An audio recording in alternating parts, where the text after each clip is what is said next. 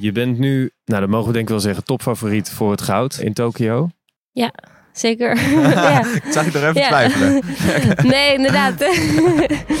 ja, dus zo kan je me inderdaad nu wel eh, zo noemen, ja. Stel, je traint je al vier jaar helemaal de bloedpoep voor die grande finale. Goud op de Olympische Spelen in 2020. Je sociale leven is in lockdown. Je traint 28 uur per dag, 17 dagen per week. Je bent in absolute topvorm. Ja, stel dat en dat dan de Spelen jouw levensdoel Niet doorgaan. De Olympische Spelen van Tokio worden door de coronacrisis een jaar uitgesteld. Ik ben Joep Herings. En ik ben Marcel Bamberg. En in deze serie spreken we onze Olympische helden. Over de dag die al jaren in hun agenda stond. De finale waarin ze eigenlijk goud hadden willen pakken. De dag waarvan ze al jaren weten hoe laat ze opstaan, wat ze eten. En welk lied ze horen na de finish. Dit is de finale. Met in deze aflevering 1 augustus, de finale van Lilian de Geus. Ooit een veelbelovende spits in de jeugd van het Nederlands elftal. Maar als windsurfer nam ze deel aan de Spelen in Rio in 2016. Waar ze op een haar na naast een medaille greep.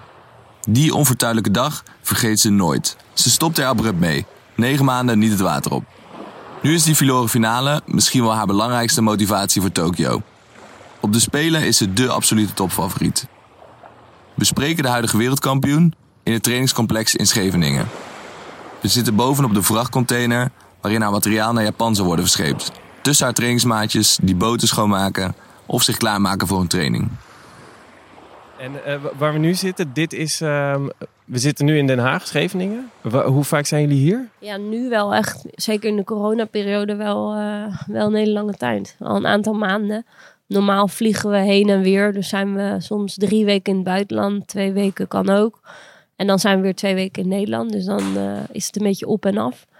Maar op dit moment zitten we al eh, ja, bijna drie maanden wel in Nederland. eh. En we Dus, eh, zitten nu vol tussen de boten. Normaal gesproken is het hier dus misschien ietsje minder vol. Ook ietsje minder mensen. Ja, Maar ja. eigenlijk is deze omgeving veranderd dan nu in Enoshima Center. Zo heette dat het geloof ik. Enoshima, ja. ja, Enoshima. klopt, ja. En Enoshima. ja, Enoshima, ja. Het is 1 augustus.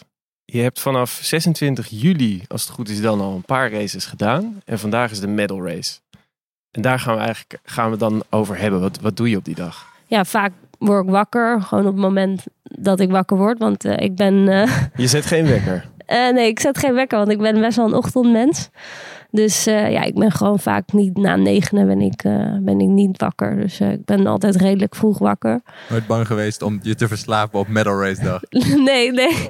Nee, dat niet. Nee. Dus eh, Ah, dat vind ik wel grappig. Want ik las, ik las dat eh, de wedstrijd dan zou zijn van 12 tot 6. ja. Misschien staat het dan niet super vast. Maar als je dan, als je dan pas om 10 uur wakker wordt. Dan is het best wel stressen om daar nog op tijd te zijn. Toch? Ja, nou misschien dat ik wel voor safety een wekker dan zou zetten. eh, voor de zekerheid inderdaad. Maar in principe, ik ben dan... Ja, als zeker als ik om één uur moet starten, ben ik altijd wel op tijd wakker. En ehm, ja, dan, eh, ja, dan ga ik wel altijd rustig ontbijten. En eh, ja, meestal in Japan heb je wel hele andere... Ook eh, dingen in de supermarkt dan in Nederland. Dus soms neem ik dan ook wat Nederlandse producten mee. Zoals havermout, wat ik soms lekker vind om te eten. En dat legt altijd wel een goede bodem. Of, of yoghurt met, met granola en eh, fruit. Dus eh, ja, ik neem dan soms wel wat Nederlandse producten mee. Of pindakaas of zo. Dat je dat op je brood kan smeren. Want eh, ja, we hebben daar ook een bakker zitten om de hoek. En daar heb je ook redelijk goed brood. bruin brood. Wat je kan halen. Dat een beetje op Nederland, Nederlands brood lijkt. En ehm, ja, als ik daarmee klaar ben, dan ga ik eigenlijk altijd, doe ik altijd een, een soort eh, stretching. Dus eh, dan pak ik even een moment om eh, ja, al mijn spieren te rekken en wat core oefeningen te doen. Dus om gewoon mijn spieren wat meer te activeren. Je dat- dit in het hotel? Of waar, waar, nou, wij zitten in appartementen. Ah, oké. Ehm, ja, we hebben eigenlijk nu al onze appartementen uitgekozen. Ehm, daar heb ik ook de vorige keer, vorig jaar eigenlijk gezeten. Met, mijn room is dan Marit Bouwmeester. Daar zitten we met z'n tweeën in een appartement. Jullie En- laten echt helemaal niks aan het toeval over. Dus je hebt nu al besloten. Ja, ja. ja, we hebben alles wel helemaal klaar hoe we het willen hebben. Want Ja, je wil gewoon niet voor nieuwe dingen staan. En, ehm, en ja, we hebben ook een grote een soort coachhuis waar de coaches in slapen. En waar we ook uiteindelijk het eten s'avonds hebben.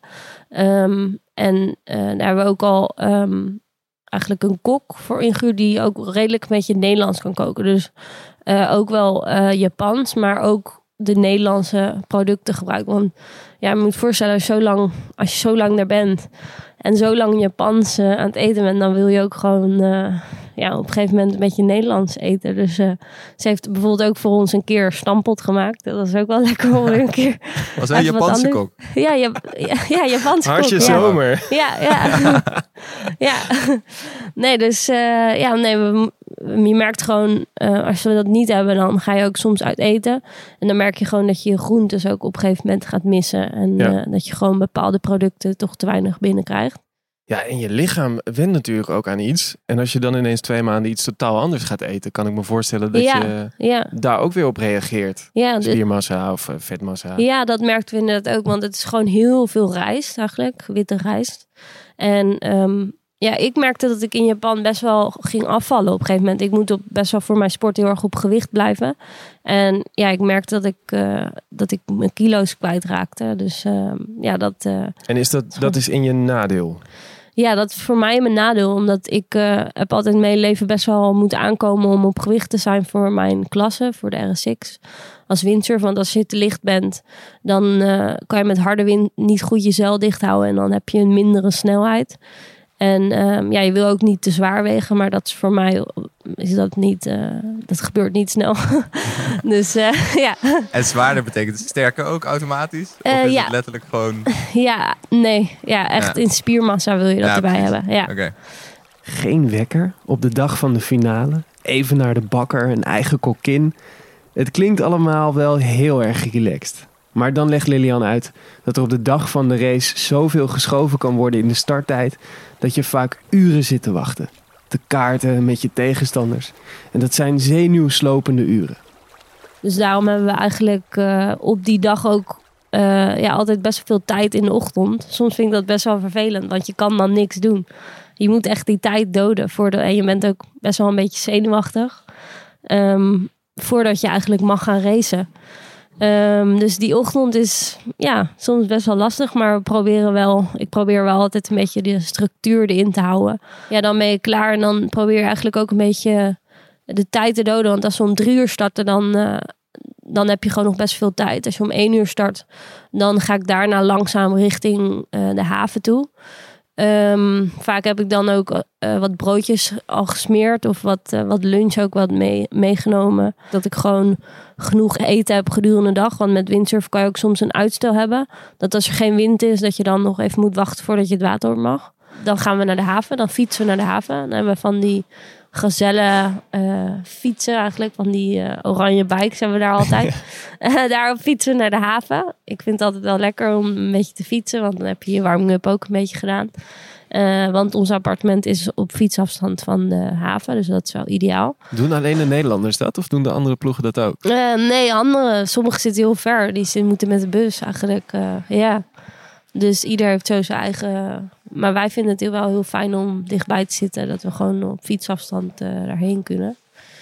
Ehm, maar dan ga ik inderdaad naar de haven toe. En dan moeten we altijd een beetje ons, eh, ja, onze standaard dingen doen. Op de Olympische Spelen is dat altijd anders. Je hebt een soort accreditatie om. Eh, Ja. Er zijn echt heel veel regels altijd op de Olympische Spelen. Waarin je eigenlijk moet inchecken dat je er bent. Dat je, eh, die, die hangt om je nek. Eh, dat is eigenlijk een pasfoto met, en er staat wie je bent eigenlijk. Eh, en die moet je altijd afgeven bij, eh, bij de ingang. Dat allemaal, zijn allemaal safety regels. Maar het is toch niet zo dat als je de, dat keycord eventjes kwijt bent, die accreditatie, dat je dan niet daar naartoe mag? nou Wel. ja, je hebt wel echt, zijn er echt heel streng in. Ja. Ja, Nee, je moet echt joh. wel zorgen dat... dus dat die is je echt alles- heilig. Die Ja, hangt eh, aan ja. de deur. Ja, want ook als wij bijvoorbeeld het water op en afgaan, dan moeten we dan een handtekening neerzetten. Bijvoorbeeld sign-in, sign-out heet dat. En als je dat niet doet, dan krijg je bijvoorbeeld punten aan je broek. Of als je dingen vergeet. eh, alles moet altijd wel op een bepaalde manier gedaan worden. Eh, dus dat, dat is soms... In, er, is, er is best veel waar je aan moet denken. Stel je vergeet bijvoorbeeld een zwemvest aan te doen soms op het water. Dan kan je al punten erbij krijgen. Of eh, een fluitje moeten we bijvoorbeeld meenemen op het water voor extra safety. Voor al dat soort dingen wij eh, bepaalde regels. En ja, daar krijg je gewoon punten voor. En Echt wedstrijdpunten. Ja, het echt is lullig, Er zijn hoor. mensen die daar... oh, ja, ik ben daar bijvoorbeeld een van. Want ik ben dat best vaak vergeten. Waardoor je gewoon eh, ook bij een evenement gewoon je medaille mis kan lopen. Dus ja, dat soort dingen. Ja. ja. Dat lijkt me heel erg Dat is pijnlijk. echt heel Ja. belangrijk. Ja, inderdaad. Ja. Die punten, daar komen we zo nog even op terug. De ochtend loopt langzamerhand aan haar einde. De medal race van Lilian staat op het punt te beginnen. Als we nog veel tijd hebben, dan spreek ik sowieso nog even af met mijn coach. Die komt dan naar mij toe. En dan gaan we nog even de, eh, wat dingen voorbespreken. Hoe we het gaan aanpakken. Bijvoorbeeld de medal race. Met de punten of de wind. We bespreken de wind nog door. Eh, wat voor wind er die dag komt. En, eh, en wat we dan kunnen verwachten. En wat bedoel je met de punten? Gewoon letterlijk de puntentelling in het klassement. En Ja, ja, de puntentelling bijvoorbeeld Ja. in het klassement. Want eh, ja, je weet niet hoe je ervoor staat eh, die dag. Maar ehm, ja, hoe je dan uiteindelijk tactisch wil gaan varen. Stel, ik sta bijvoorbeeld eh, één punt voor op de Chinezen. Ja, wil je haar dan in de gaten houden? Wil je je eigen race varen? Eh, ja, dat soort beslissingen, dat eh, bespreken we vooraf altijd wel even door. Ehm, En dat is echt op het laatste moment. ja, dan, dan wel inderdaad. Die avond, ik denk dat we dan al wel wat eh, gaan bespreken die dag ervoor. Maar je kan het niet, ehm, je weet nog niet hoe je ervoor staat natuurlijk. eh. Nee, dat is ongelooflijk lastig aan jouw sport vergeleken met baanwielrennen, judo of, of hockey. De weersomstandigheden spelen zo heftig mee. ja. Dat je op het laatste moment misschien wel je hele tactiek zou moeten aanpassen. Ja, zeker. Het is ook zo dat je soms heb je dat bijvoorbeeld die dag bespreek, die ochtend hebben we de wind al besproken en dan kom je op het water en dan is de wind bijvoorbeeld heel anders. Eh, of vlak voor een start, de wind draait naar rechts en de windomstandigheden worden heel anders. Dan moet je zelf uiteindelijk als eh, sporter heel alert zijn om uiteindelijk toch nog eh, een aanpassing te doen in je tactiek en strategie. Dus je moet altijd in je achterhoofd houden dat het altijd kan veranderen. Ja, want Tokio heeft natuurlijk hele. Ja, nou ja, elke plek heeft denk ik hele specifieke weersomstandigheden. En die zullen in Tokio heel anders zijn dan in, eh, in Scheveningen, Almere, eh, waar je dan ook traint. Ja, Dus Ja. het moet een beetje op elkaar lijken. Ja, zeker. Ja, dat is heel belangrijk voor ons om uiteindelijk op, ehm, op de plek te trainen die diezelfde soort omstandigheden hebben eigenlijk. Ja, het kan heel ruig zijn daar ook op zee. Eh, heel veel zwel, een open Wat Zee. is zwel? eh, ja, dat is eigenlijk. De zwel is eigenlijk die grote golven die je op het water eigenlijk eh, voelt deinen. Als je op een boot zit, voel je heel erg die deining. Wat je niet op een meer hebt, bijvoorbeeld op IJsselmeer. Heb je een hele korte chop. Eh, en dan voel je niet die grote deining die je eigenlijk op zee hebt. En dat is weer technisch voor ons heel anders varen dan eh, eigenlijk op zee en in Japan. Heel veel zwel, korte chop, het heilige puntenklassement. Als het allemaal is besproken met haar coach en de uren wachten zitten erop, kan de race bijna beginnen. Na vier jaar keihard trainen aan de start van die beslissende medal race. En niet als zomaar een deelnemer. Lilian is topfavoriet voor Olympisch goud. Maar dat hardop te zeggen voelt toch nog wat onwennig. Merken we wanneer we haar er op de vrouw af naar vragen. Je bent nu, eh, nou dat mogen we denk ik wel zeggen, topfavoriet voor het goud in, eh, in Tokio. Zeker. ja. Ik zag je toch even Ja. twijfelen. Nee, inderdaad.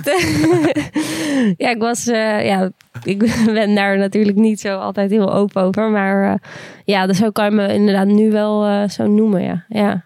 Met, Daar ja, je niet eens over te wereldtitels inderdaad op zakken, ja. Ja, nee. Ja, en sinds 2017 ook niet meer uit de top drie op de wereldkampioenschappen. Ja, Twee keer dus wereldkampioen. Eerste winst, eh, zelfs eh, namens Nederland winstsurfster die dat, eh, die dat kon, eh, kon doen. ja, ja. Waar Nee. begint jouw loopbaan? Als het gaat om sport. Toen ik eh, op een gegeven moment de keuze heb eh, gemaakt om eh, echt fulltime voor het windsurfen te gaan. Toen was ik eh 17, 18. En toen werd ik eh, geselecteerd voor een eh, Olympisch traject eigenlijk door het Watersportverbond. Dat ze zochten meiden toen in die tijd. Ehm, om eh, richting Londen toen uiteindelijk. te- Maar het doel, grote doel was uiteindelijk Rio. Omdat ik eh, toen een talent was. Ja, daar, ben, daar is het begonnen denk ik. Ja. Dus je begint bij, bij geselecteerd worden voor Londen. Dat, maar dat klinkt alsof je al heel lang bezig bent. Oh, sorry. Ja, ja, dat klinkt inderdaad voor mij waar het echt is begonnen is voor mij denk ik met windsurfen op het Gardermeer. Toen ik 12 was, ehm, toen, eh, toen met mijn broers eigenlijk heb ik het voor het eerst leren windsurfen. Ja? Van mijn broers. En uh, ja, mijn tweelingzusje vond het ook helemaal geweldig. Ja, door de week steek ik nog heel veel aan voetbal toen in die tijd. Dat, uh, dat was toen ook nog echt mijn sport. Ook en, niet onverdienstelijk geloof ik, ja? Nee, inderdaad ook wel op hoog niveau. En ja, heel vaak in de week. Dus op een gegeven moment moest ik echt, ja, echt een beetje gaan kiezen. Je wilde je team niet in de steek laten. En ja, ik wilde ook gaan windsurfen. Ja, niet onverdienstelijk. Jong Oranje. Ja, toen in de tijd inderdaad was het, was het bij de KVB. En toen speelde je in verschillende regio's. En toen was ik inderdaad geselecteerd voor een regio. En toen ben ik uh, met de KVB ja, Jong Nederland, ik weet niet of je dat zo, uh, dat noem je wel zo, maar er waren wel verschillende leeftijdsgrenzen natuurlijk ook. Ja. En ik zat toen onder 14, 15 en volgens mij onder 16.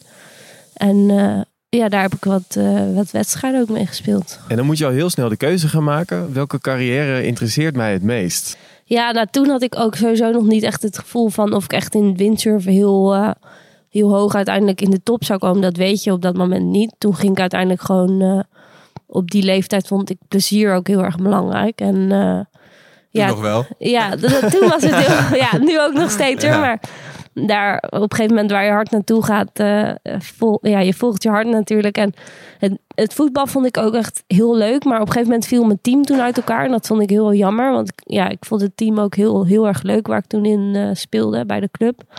En het vrouwenvoetbal ja, was gewoon in die tijd nog helemaal niet zo populair. En nog helemaal niet professioneel. Dus het was gewoon alleen maar voetbal eigenlijk.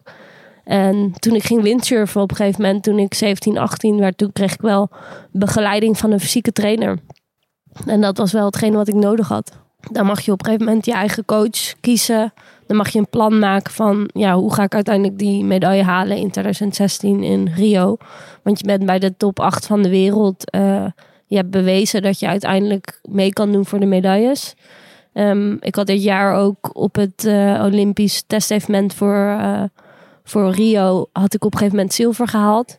En ja, toen begon op een gegeven moment wel echt die bal te rollen van ja, je bent gewoon wel medaillekandidaat voor de Olympische Spelen voor Rio. Ja. Deze zomer gaan de Oranje Leeuwinnen voor het eerst dan uh, naar uh, de Olympische Spelen. Volgende zomer dan? Ja. Denk je dan wel eens, hé, hey, daar had ik misschien ook wel bij kunnen zitten? Uh, Als er iemand ja. geblesseerd is, mogen ze me bellen. ja, ik ben ik er denk, toch al.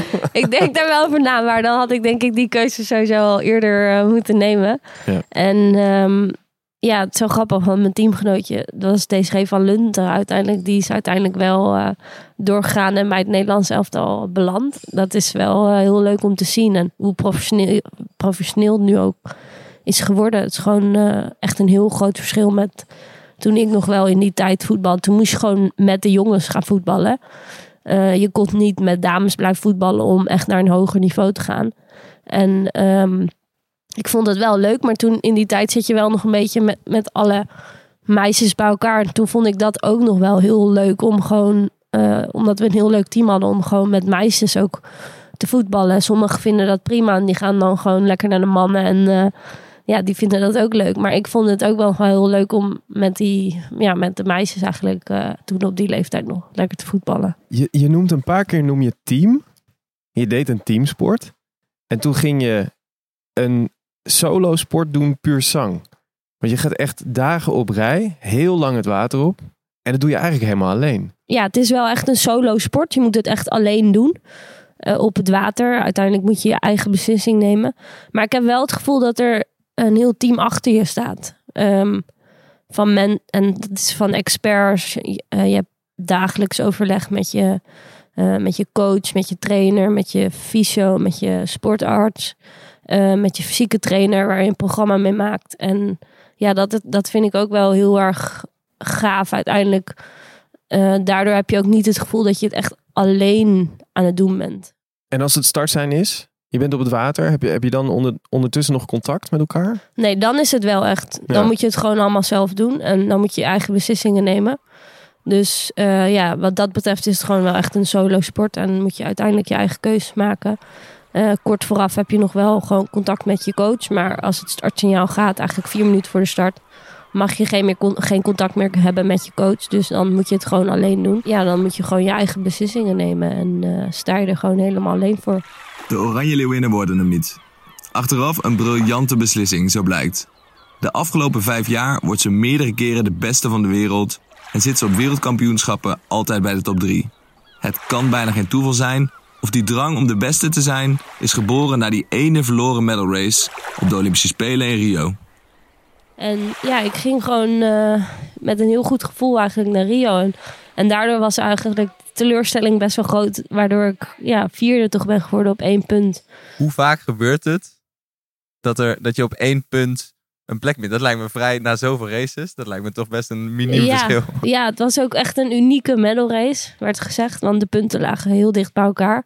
Ja, dat is gewoon, dat komt heel weinig voor. Ja, één puntje is aan zo'n reeks met wedstrijden dat je gedaan hebt, dat is echt niks. Ja. Ja, ik ben, ik ben wel heel benieuwd. Dit is uiteindelijk heel belangrijk geworden in je carrière. Want daarna ben je eh, bijna alles gaan winnen. Of altijd op het podium gekomen zo'n beetje.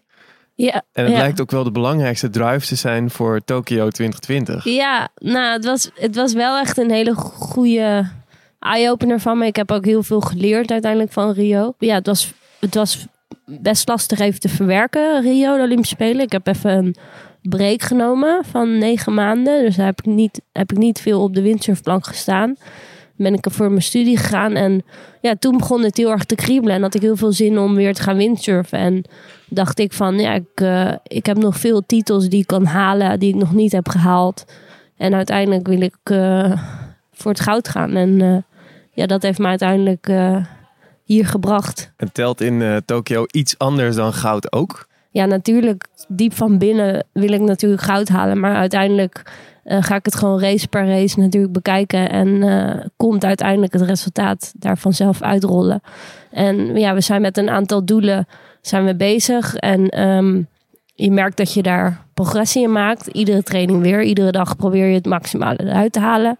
En ja, als je daarmee bezig bent, dan eh, moet uiteindelijk het goede resultaat ook vanzelf komen. En dat heb ik ook gemerkt tijdens de afgelopen WK's. Je beschrijft het als, eh, alsof, eh, als een echte coach. Resultaat doen. Het is een, we zijn Ja. bezig met een proces. Ja, maar stiekem, je gaat me niet vertellen Ja. dat niet elke dag je wakker wordt en dat je denkt, ja, ik weet waar ik het voor doe, die ene gouden Ja, plak. ik weet waar ik voor doe. Ik heb alleen af en toe. Ik heb eh, toen met een WK heb ik in mijn hoofd gezet. Ja, ik, ga alleen, ik wil alleen maar wereldkampioen worden. Als je dat in je hoofd print, dan eh, is eigenlijk niks genoeg. En dan heb je ook, als je zo'n reeks ingaat, dan wil je alleen maar winnen. Maar daar win je uiteindelijk het evenement niet mee. Dus Terug naar die wedstrijd. Op de dag die zo rustig begon. Zonder wekker, met een bakkertje. Inmiddels is de spanning aan het stijgen. De laatste voorbereidingen worden nu echt getroffen als Lilian haar materiaal aan het optuigen is. En als ze links en rechts om zich heen kijkt, ziet ze hoe haar tegenstanders precies hetzelfde doen. Voor die laatste, beslissende uren op het water. ja, als ik dan dat gedaan heb, dan ga ik altijd mijn materiaal optuigen. Ehm, daar zijn we denk ik zo'n half uurtje mee bezig. Ben ik daar zo'n half uur mee bezig. Doe je dat alleen of doe je dat samen? Nee, dat doe ik wel echt alleen. Ja. Oké. Ehm, daar is mijn coach eigenlijk niet echt eh, bij. Dat, dat doe ik gewoon echt eh, alleen. Vind je dat ook belangrijk dat je dat zelf doet? Ja, ja, dat doe ik wel echt zelf. Ja. Daar begint voor jou de wedstrijd al een beetje. ja, nou ja, je hebt altijd gewoon je eigen setting. Zodat, stel er gebeurt iets, dan ligt het gewoon altijd aan jezelf. Dan, dan, eh, dan kan je niet eh, anderen verwijten of iets. Maar dat, dat wil je ook niet doen. Maar dan ligt het gewoon altijd aan jezelf. Ja, En hoe lang ben je daarmee bezig, dat hele optuigen? ja een half uur zoiets. Ehm, Eet je dan nog iets trouwens? Want je hebt dan heel stevig dat ha- die eh, havermout gegeten. Nou maar- ja, voordat ik het water op ga, eet ik nog wel vaak wat. Ja. En dan geef ik vaak mijn sportbars en mijn, mijn drinken mee aan mijn coach.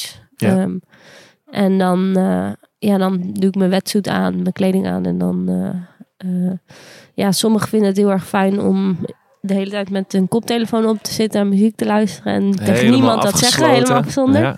Ik ben altijd wel een beetje van beide. Ik vind het altijd wel fijn om wel gewoon met, met wat mensen te praten van tevoren. Ook gewoon met wat concurrenten. Gewoon lekker, eh, ja, gewoon eh, misschien wat dingen bespreken. Of als soms als er uitstel zit, dan gaan we een potje kaarten of zo met z'n allen of iets om de tijd te doden, weet je. Ik heb wel eens dat als ik dan een kaartspel aan het doen ben en ik verlies, dat ik dan super opgefokt raak. Oh ja. Heb je niet Ja. dat, dat als je dan drie keer zou verliezen, dat je dan vervolgens al opgefokt die wedstrijd ingaat? Ja, nou, dat, dat valt wel mee. Dat heb ik toch niet Je wint echt gewoon meegemaakt. altijd. Ja, ik probeer wel altijd op tijd.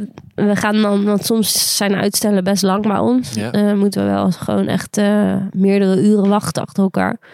Ehm, dan doe ik wel een kort, wat, dan doen we een kaartspel, maar niet de hele periode of zo. Dan eh, nou, op een gegeven moment wil je ook wel een beetje weer tot je focus komen en dan. eh, Lijkt me Een beetje rust aan je hoofd. zeg. Dat je helemaal in je focus zit. En je denkt, nou, over eh, wat is het, een kwartier gaan we. Ja. Vanaf nu hou ik Ja. mezelf even helemaal stil. Niemand moet meer in mijn buurt komen.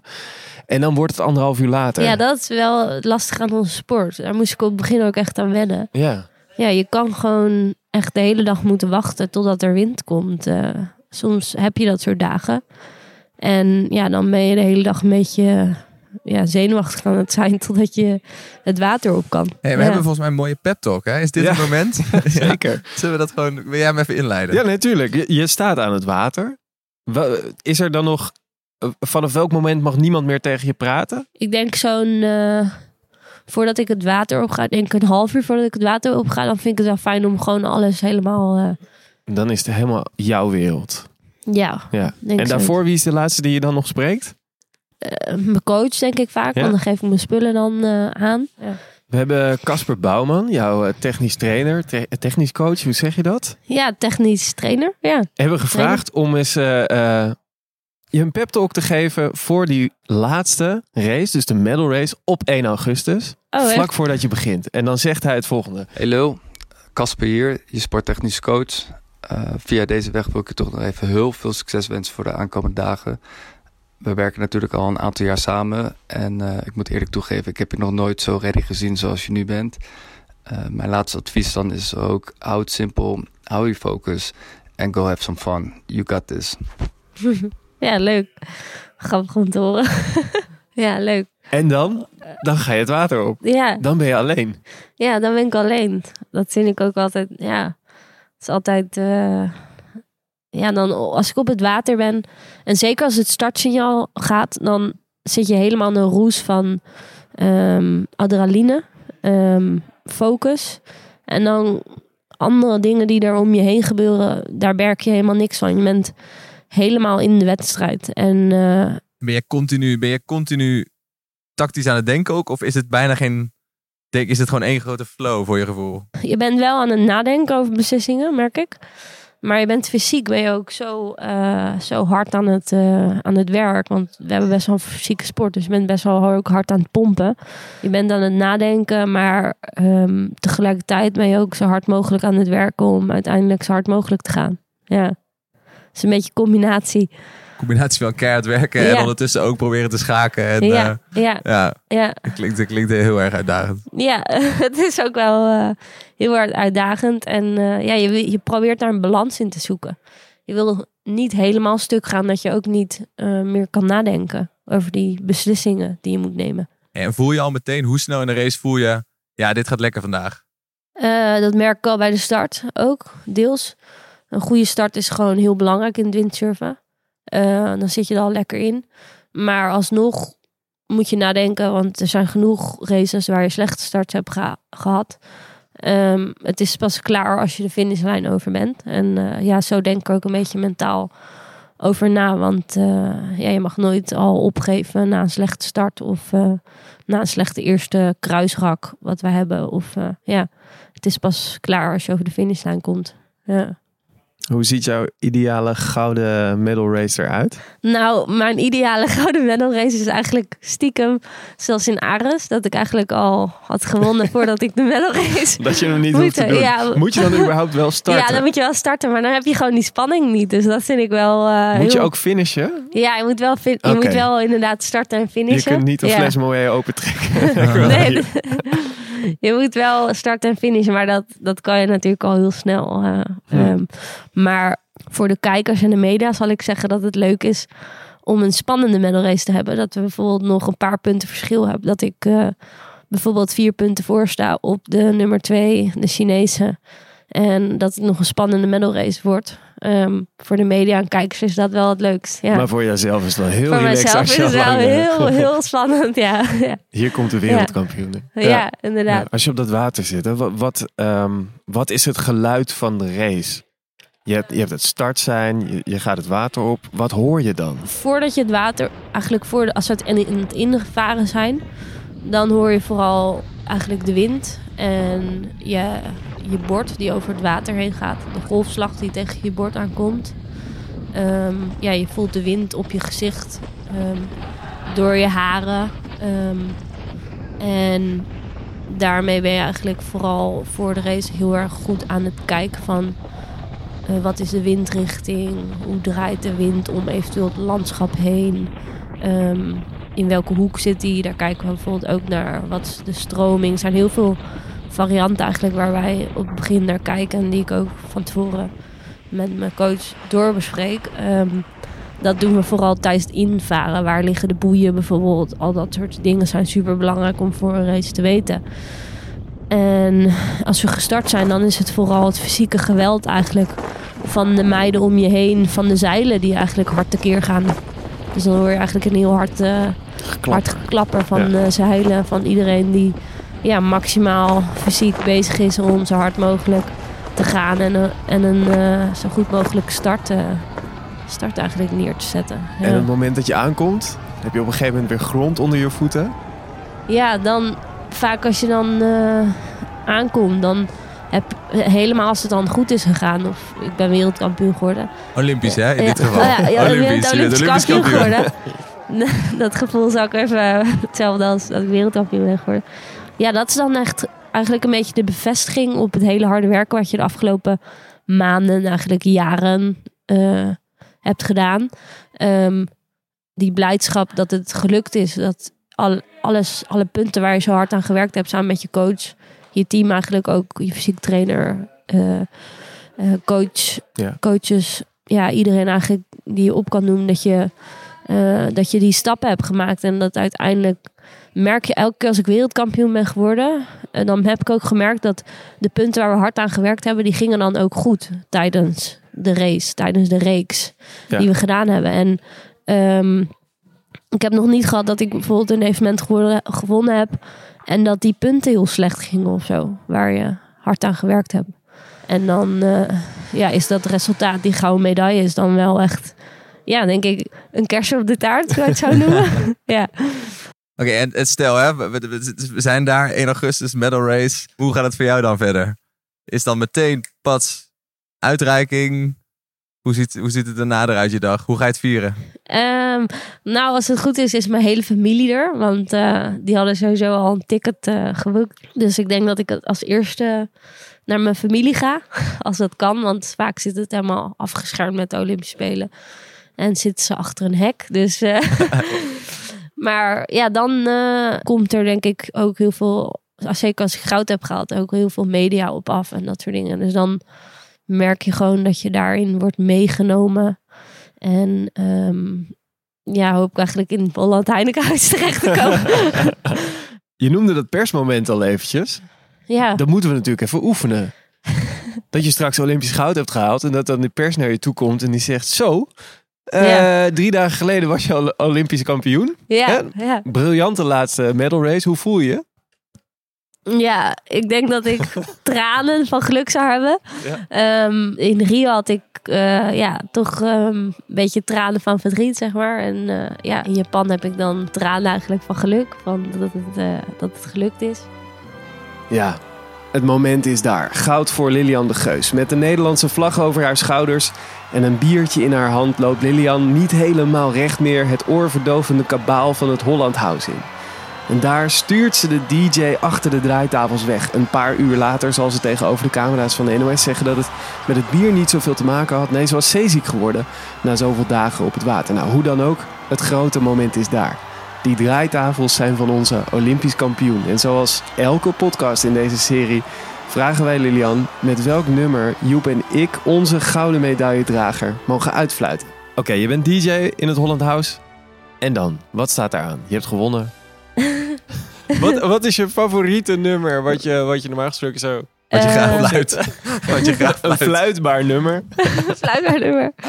Ja, mensen vragen. Ik heb wel, het is me wel eens vaker gevraagd, inderdaad. Ik vind dat echt zo lastig om te zeggen. Want eh, Ja, wij zijn erachter dat deze rubriek echt een totaal onzinnige rubriek is. En iedere Oh, sporter zegt hetzelfde. Ja, ja. Ik heb helemaal geen favoriete nummer.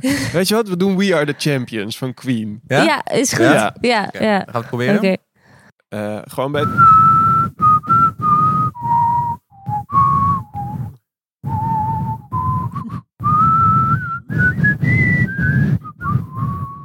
Ja, Ja, schitterend. ja, dat is best goed. Ja, je hoort het wel. Speciaal. Ja, nou, dankjewel. Ja. En dankjewel. Eh we hebben best wel lang zitten praten. Ja, Ik denk, ja, heel veel succes komend jaar.